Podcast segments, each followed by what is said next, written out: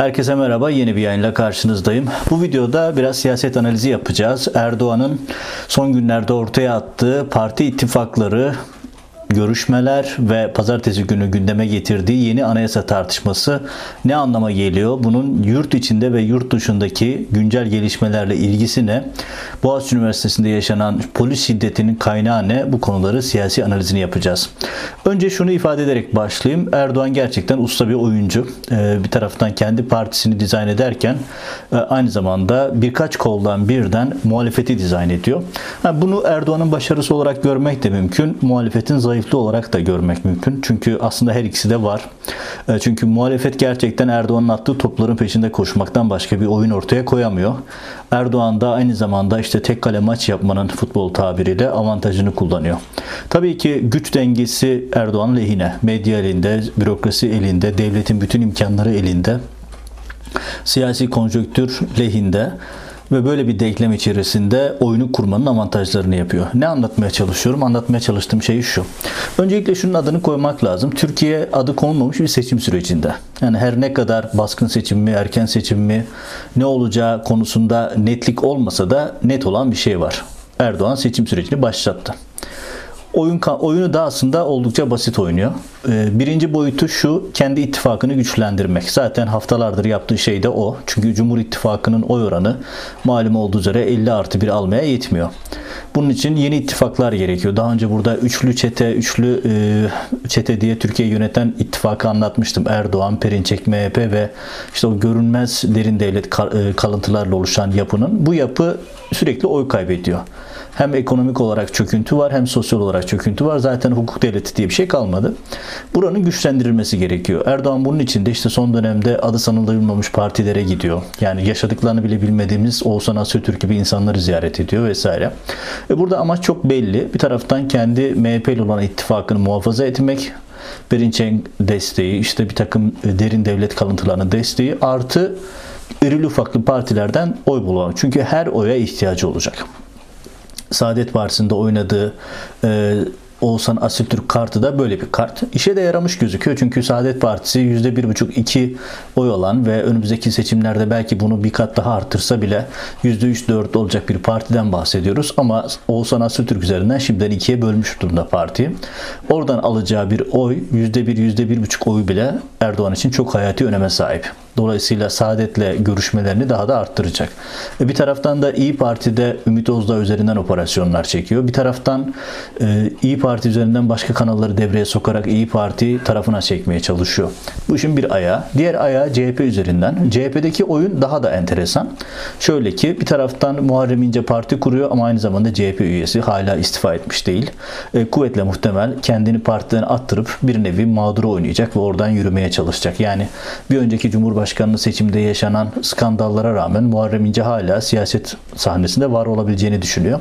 Ve e, en büyük e, faydası da Erdoğan'a bu konuda CHP'yi bölmek, meşgul etmek. Çünkü gerçekten de CHP şu anda kendi derdiyle meşgul.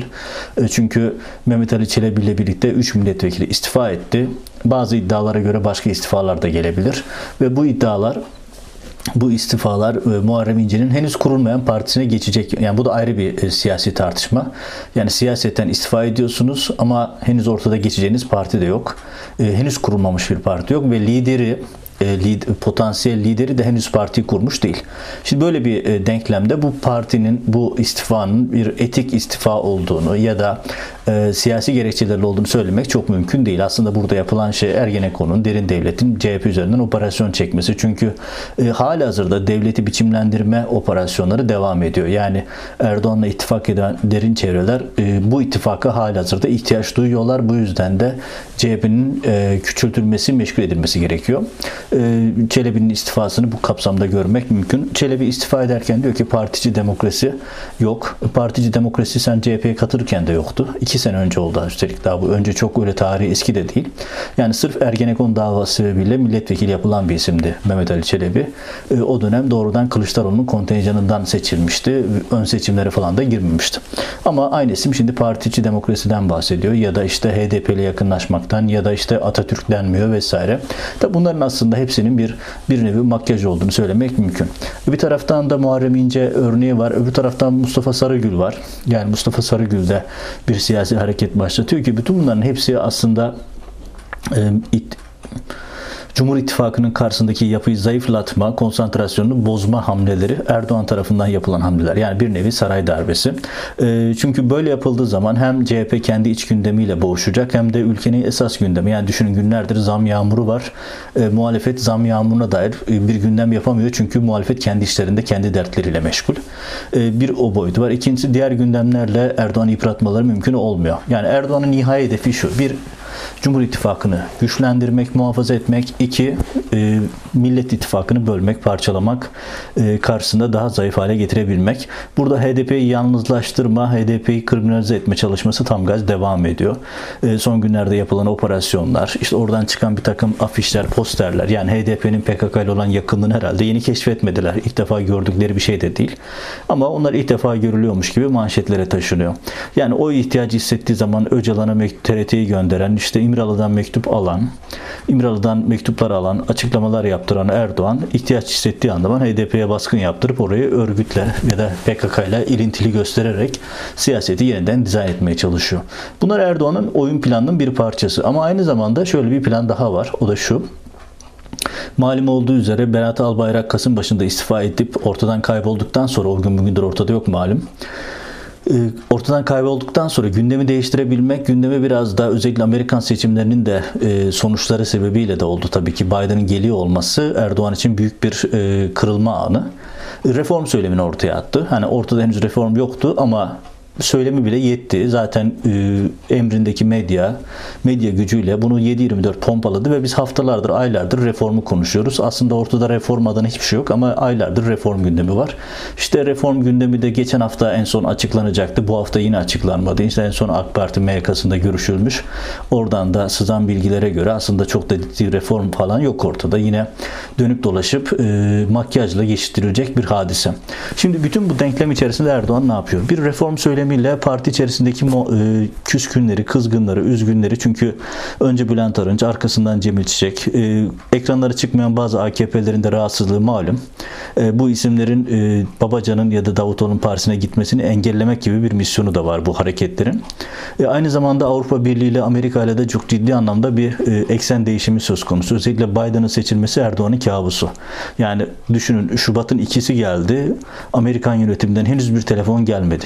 Erdoğan Erdoğan ve Ankara'daki üst düzey bürokrasi, daha doğrusu AKP yönetimi, devlet yönetimi eli gözü telefonda Amerika'nın aramasını bekliyor ama 2 Şubat oldu henüz yok. Bu arada e, yeni Amerika Dışişleri Bakanı birçok ülkeyi aradı. Joe Biden yeni başkan birçok lideri aradı ama henüz Erdoğan bunların içerisinde yok. İşte böyle bir denklemde Erdoğan ortaya anayasa söylemini attı. Şimdi şunu unutmamak gerekiyor. Yani reform söyleminde de amaç zaten reform yapmak değil. Avrupa Birliği'ne, Amerika'ya karşı zaman kazanmak, ülke içerisinde zaman kazanmak. Ama o da bir yere kadardı. Artık yeterli değil. Çünkü gerçekten ortaya çıkan paketin bir şey ortaya getirmeyeceği sızan bilgilerden ortaya çıktı.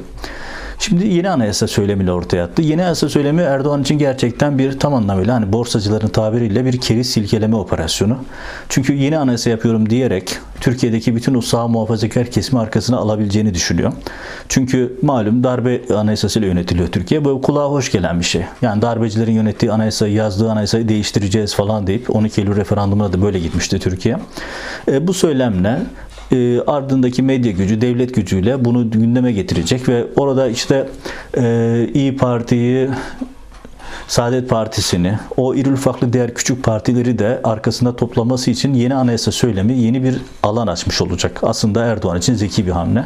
Yeni bir anayasa yapıyoruz diyerek bu kitleleri hem oyalama hem de arkasında toplama imkanı bulabilecek. İşte istişare faaliyetler yapıyoruz, onlardan tekliflerini alıyoruz vesaire derken bu Erdoğan en az 6 ay kazandıracak bir süre. Bu süre zarfında siyasi denklemlerini düzenleyip e, baskın bir seçime de gidebilir. Çünkü Erdoğan'ın temel hedefi şu, %100 garanti altına alacağı bir seçime kadar yani seçim sonucunu garanti altına aldığını inandığı ana kadar bekleyecek seçim için. O anda baskın seçim kararı alabilecek. Çünkü bütün niyeti, hedefi iktidarını uzatmak. Şimdi Biden'la yaşadığı e, risk Erdoğan'ın şu. Erdoğan Biden'la, Biden yönetimiyle uzlaşamayacağını biliyor. Çünkü yeni yönetimin Erdoğan'a bakışı oldukça negatif. Buna karşı şunu yapmayı planlıyor. İşte seçime gitmiş ve seçimi kazanmış bir Erdoğan, batılı liderlerin karşısına yeni seçimden çıkmış ve kendini e, güven tazelemiş bir lider olarak oturmayı planlıyor. Yıllar boyunca Amerika şu söylendi çünkü burada çok gördüm ben bunu Washington'da. Ya bizi beğenmeyebilirsiniz ama halk arkamızda söylemiyle yıllarca pozisyon aldılar. Ama şimdi halkın desteği giderek azalıyor ve dönemin sonuna gelen bir iktidarın eli zayıflıyor. Erdoğan seçime giderek, seçimden çıkarak hem zaman kazanmayı planlıyor hem de batılı liderlere karşı kendi pozisyonunu garanti alma, güçlendirme gibi bir hedefi de var. Yani bütün nihai hedefi aslında siyaseten e, işin içinden çıkamayacağı denklemlerde benim arkamda halk oyu var benim arkamda e, halkın desteği var diyerek kendi koltuğunu garanti altına almış olmak. Yani şu da denilebilir tabii. Yani her siyasetçi sonuçta iktidarı hedefliyor. iktidarda kalmak istiyor olabilir ama Erdoğan'ın bütün stratejileri survive yani hayatta kalma, hayatta kalma üzerine kurulu. Yani etik kaygıları falan olan bir lider değil Erdoğan. Daha bugünlerde işte e, internete düştü gördünüz. E, Mevlüt Çavuşoğlu e, Uygurlarla ilgili olarak işte Çin'in e, bütün çıkarlarını korumaktan, Çin aleyhine çıkacak haberleri engel engellemekten bahsediyor ki bunda da övünerek yapıyorlar bunları. Yani Erdoğan için bunlar çok da e, öncelikli konular değil. Günlerce, haftalarca, aylarca İsrail karşıtlığı üzerinden Türkiye'de kampanya yapıyor ama son dönemde en büyük yatırımını İsrail üzerine yapıyor. Hatta geçtiğimiz günlerde İsrail'de Haaretz gazetesinde bir analiz çıktı. O da Erdoğan Tel Aviv'den işte İsrail'den Amerika'ya Beyaz Saray'a kapı açmaya çalışıyor şeklinde bir analiz vardı. Yani İsrailler de bunu görüyorlar. Erdoğan ihtiyaç hissettiği zaman e, kıvrak olarak manevra yapma konusunda oldukça mahir. Şimdi bu anayasaya tekrar geri döneyim. Anayasayla yapılmak istenen şey dediğim gibi şu. E, adına güçlendirilmiş parlamenter sistem diyecek ya da Türk tipi başkanlık, Türk tipi parlamenterlik vesaire. Yani Türk tipi başkanlık dediler ortaya fecaat bir şey çıktı malum. E, 2 yılda 3 yılda çöktü. E, şu an hala uzatmaları oynuyor. E, yeni dönemde söyleyeceği şey şu olacak. İşte Türk tipi başkanlık olmadı. Türk tipi baş, yarı başkanlık ya da Türk tipi parlamenter falan deyip adı tamamen kendi bilgi dağarcığıyla ya da hafızasıyla sınırlı olacak bir isim ortaya atıp tamamen kendi ihtiyaçlarına göre seçim kanunuyla oynayıp parti iş tüzüğüyle oynayıp şey pardon meclis iş tüzüğüyle oynayıp seçim yasasıyla oynayıp bir takım anayasal değişiklikleri yapıp kendisini iktidara getirecek düzenlemeyi de yeni Türk tipi bir parlamenter sistem vesaire diyerek satacak ve bunu anayasa maddesinin içerisine, paketin içerisine koyacak. Burada şu hatırlatmayı yapayım. Erdoğan e, torba yasa yapma konusunda oldukça mahir bir lider. E, çünkü 18 yılda burada çok ciddi mesafe aldılar. Şöyle torba yasa. Ya mesela çok kritik bir maddeyi bir başka herkesin hoşuna gidecek bir maddenin altına saklama konusunda oldukça iyi. Mesela yerel yönetimlerle ilgili bir düzenlemeyi daha önce işte türban maddesinin altına koymuştu. Siz o maddeye itiraz ettiğiniz zaman e, kardeşim sen türban düzenlemesine mi karşısın şeklinde bir tepkiyle karşılaşıyorsunuz konuşuyordunuz. Aslında orada türban düzenlemesi e, diğer maddelerin Erdoğan'ın çok istediği o 7-8 madde vardı mesela. Türban e, maddesinin arkasına saklanmıştı. Şimdi burada aynı şey yapılacak. E, parlamenter sistem diyecekler. E, diyecekler ki İyi Parti'ye ya kardeşim siz İyi Parti olarak diyordunuz ki parlamenter sistem istiyordunuz. Buyurun işte parlamenter sistem. Saadet aynen gidecekler. CHP aynı şekilde gidecekler. Ama onun altına o maddelerin altına Erdoğan'ın gücünü arttıracak, denetimsizliğini güçlendirecek, herhangi bir şekilde hesap vermesini engelleyecek gizli maddeler de konacak. Aslında gizli değil ama bunlar torba yasanın içerisine konduğu için ana maddenin arkasında kalacaklar. Dediğim gibi daha önce bunu türban maddesinde de yaptılar. Yine aynı şeyi yapacaklar. Böylelikle Türk tipi bir başkanlık diye aslında Erdoğan'ın kafasında Erdoğan'ın iktidarını ömrünü uzatmaya yönelik bir modeli de dayatacaklar. Yeni anayasa yapıyoruz diye önümüze getirecek olan şey aslında bu. Burada şu hatırlatmayı da yapalım. Erdoğan 2023'te mevcut anayasaya göre aday olamıyor. Her ne kadar bir takım AKP'li siyasiler yok canım ne münasebet biz aday olabiliyoruz dese de bütün hukukçular Erdoğan'ın 2023'te yeniden aday olamayacağı konusunda hemfikir. Ha, burada şöyle bir realite var tabii. Yani ahim kararlarını uygulamayan, anayasayı takmayan Erdoğan seçim yasasını mı takacak diyebilirsiniz. Evet bu da haklı bir eleştiri. Mümkün. Yani Erdoğan Türkiye'de bütün yasaları e, alt üst ettiği için yani bugün çıkıp e, haksız hukuksuz bir şekilde yeniden aday olabilir mi? Olabilir. Bunu engelleyecek bir yapı yok. Çünkü 15 Temmuz kumpası ile birlikte Türkiye'de bütün kontrol denge mekanizmaları alt üst edilmiş durumda. Hani aslına bakarsanız diploma yüzünden bugünkü Cumhurbaşkanlığı da tartışmalı. Bugünkü Cumhurbaşkanlığı da geçerlilik konusunda ciddi soru işaretleri barındırıyor. Ama hani bu tartışmaların da bir kenarından sıyrılabilmek için 2023 öncesinde bir erken seçim, baskın seçim Erdoğan için şart. Toparlayacak olursam çok dağıtmadan e, özetleyerek söyleyeyim. bu e, düzenleme ha bu ara şunu da tekrar altına e, çizmekte fayda var. O da şu. Şimdi yeni anayasa tartışmaları başlayınca bir takım çevreler hemen başladılar. İşte 2010 referandumu 12 Eylül'ünü hatırlatarak 12 Eylül referandumunu hatırlatarak yetmez ama evetçiler nerede falan demeye başladılar. Hatta onlara göre Türkiye'de yaşanan bütün sorunların kaynağı yetmez ama evet kampanyası. Şimdi yetmez ama evet kampanyası neydi hatırlatalım. 10 yıl geçti üzerinden belki unutanlar olmuş olabilir. E, hatta bu kesimlere göre bir takım azgın azınlık diyorum ben bunlara. Bu kesimlere göre işte Boğaziçi Üniversitesi'nde rektör. Melih Bulu'nun atılması bile, atanması bile azgın azının fikrine göre işte yetmez hava evetçilerin suçu. Yani Türkiye'de ne zaten ters gitse yetmez hava evetçilerin suçu. İddialarına göre 12 Eylül 2010 referandumu ile birlikte Erdoğan e, Türkiye'deki bütün sistemi alt üst etti ve kendi diktatörlüğünü kurdu. E, öyle değil tabii ki. Yani 12 Eylül referandumunu hatırlatayım. Şimdi önce şunu hatırlatalım. 12 Eylül referandumunu Türkiye'de çok önemli olduğu doğru ama e, özellikle bir takım e, ulusalcı, sol, e, liberal kesimlerin, liberal demiyorum aslında, ulusalcı, kemalist kesimlerin diyelim. Çünkü liberaller yetmez ama evet tarafındaydı o dönem. Ee, savunduğu gibi değil olay. Çünkü el öyle olmuş olsaydı şunu hatırlatalım. 2007, 2008'lerde, 2005'lerde Türkiye'de ay ışıkları, darbe planları yoktu sanki. Türkiye'de AKP'ye kapatma davası açılmamış. Dönemin Kara Kuvvetleri Komutanı İlker Başbuğ Anayasa Mahkemesi Başkan Vekili Osman Pakçı ile Kara Kuvvetleri Komutanı'nda görüşmemiş. Akabinden dava açılmamış. Er, e, Cumhurbaşkanı e, Abdullah Gül olmasın, başörtülü birisi köşke çıkmasın diye 367 diye bir garabet oluşturulmamış. Genelkurmay Başkanlığı gece yarısı 27 Nisan'da muhtıra vermemiş. Ee, Türkiye'nin her yerinde suikastleri olmamış. Hrant Dink öldürülmemiş. Malatya zirve cinayet katliamları olmamış. Ee, Cumhuriyet mitingleri yapılmamış. Darbe planları ortaya dökülmemiş vesaire olmamış sanki. Bütün bunlar yokmuş gibi. Hani bütün bunların olduğu dönemde e, sesini çıkarmayanlar, daha doğrusu bunları destekleyenler. Çünkü Anayasa Mahkemesi 367 kararında o dönem Sabik Kanadoğulları e, ve benzeri isimler e, eğip büküp Abdullah Gül Cumhurbaşkanı seçilmesin, başörtülü birisi köşke çıkmasın diye bütün bu şaklabanlıkları yaparken bu taraflar destek oluyordu. Yani AKP 12 Eylül referandumda niye çok güçlü bir destek aldı sorusunun cevabı tam da aslında o bugün yetmez ama evet kampanyasına tukaka eden çevrelerin faaliyetlerinin sonucuydu bunlar.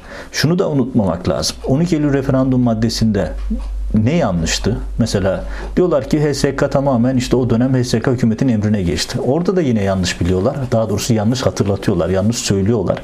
E, bilerek yalan söylüyorlar demek istemeyeceğim. Ben öyle bir nezaketsizlik yapmayayım. Ama şöyle ki 12 Eylül referandumunun içerisinde 2010 referandumda HSK'nın yeniden düzenlenmesi maddesi vardı. HSK 12 Eylül darbecilerinin e, tam da kritik bir düzenlemesiydi e, tam anlamıyla vesayetin merkeziydi. 7 kişiden oluşuyordu eski HSK. Bakan, müsteşar ve 5 üye. 5 üye Danıştay ve Yargıtay'dan geliyordu. Öyle bir kapalı devreydi ki Yanıştay, Danıştay ve Yargıtay üyeleri HSK üyelerini seçiyor, HSK üyeleri dönüyor, Yargıtay ve Danıştay üyelerini seçiyor. Orada kapalı devre bir sistem vardı ve tam anlamıyla vesayetin temsilcisiydi. Orada üye sayısının arttırılması, bölümlere çıkartılmasının nesi kötüydü. Kaldı ki orada e, her adayın birden fazla kişiye oy verebilmesi diye bir madde vardı 12 Eylül referandumunda. CHP koşa koşa Anayasa Mahkemesi'ne gitti.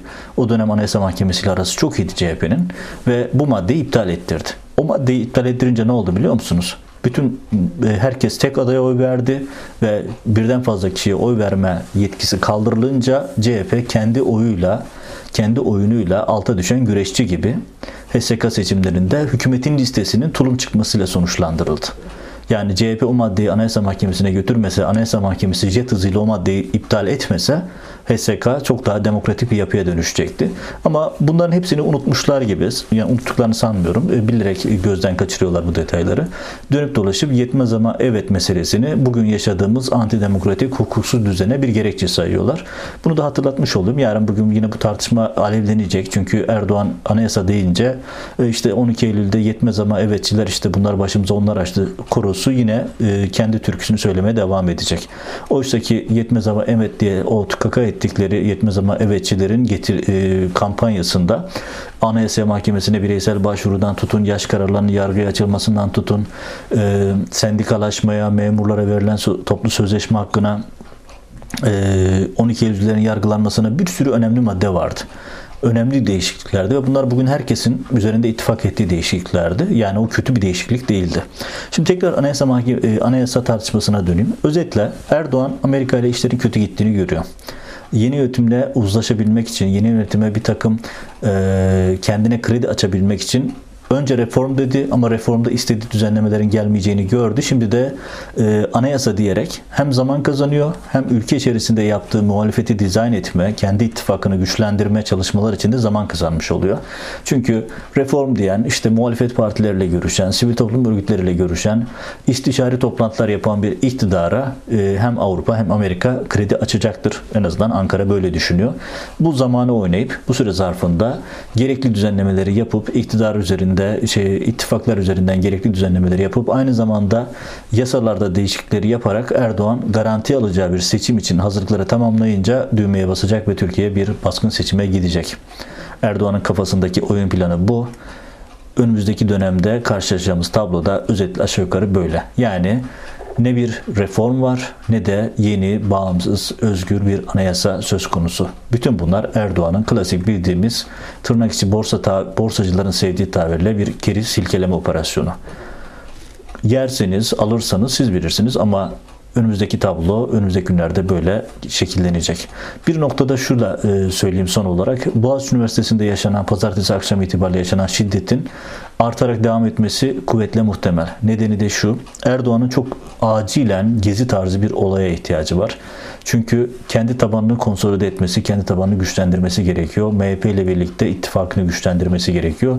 Çünkü Erdoğan şöyle düşünüyor. Sol, sol sağ çatışması güçlenir, Alevi Sünni tartışması güçlenirse sağ kesimler, bana küzenler, bana kıskınlar, başka partiye gidecek olanlar da benim arkamda toplanır diye düşünüyor. E zaten polisi tamamen partiye bağladı, askeri tamamen partiye bağladı. E, oradaki yapılar da e, Süleyman Soylu'nun, Mehmet Ağar'ın e, zihniyetinde insanlar artık. İstanbul Emniyeti'nin başında işkenceci bir polis şefi var. Birçok birimde işkenceci polis şefleri var. Ve bunlar ezip geçen, e, vatandaşı son derece sert kullanan, insan hakları ihlalleri konusunda hiçbir hassasiyet olmayan tipler. Dolayısıyla artan şiddet Erdoğan'a daha fazla oy olarak döner hesabı yapılıyor. Bahçeli'nin tahrik edici açıklamaları, AKP'lerin tahrik edici açıklamaların hepsinin arkasında bu yatıyor. Boğaziçi Üniversitesi'ndeki olayları tırmandırmak. Çünkü böyle bir olay Erdoğan'ın kafasından bakıldığında kendi cephesine kendine oy getirecek hadiseler olarak bakıyor. Ha bu ara can kaybı olur, bu ara hastalanan, sakat kalan olur. Bunlar da Erdoğan için çok da önemli değil. Sonuçta kendi iktidarını muhafaza etmek, kendi iktidarını güçlendirebilmek için 15 Temmuz'da sahte bir darbe e, kurgulayan bir rejimden bahsediyoruz. Onlar için e, öğrencilerin sokağa dökülmesi, orada insanların arada telef olması çok da önemli değil. Ee, önümüzdeki günler zor günler. Dikkat etmekte, e, gelişmeleri iyi okumakta fayda var. Bir sonraki yayında görüşmek üzere.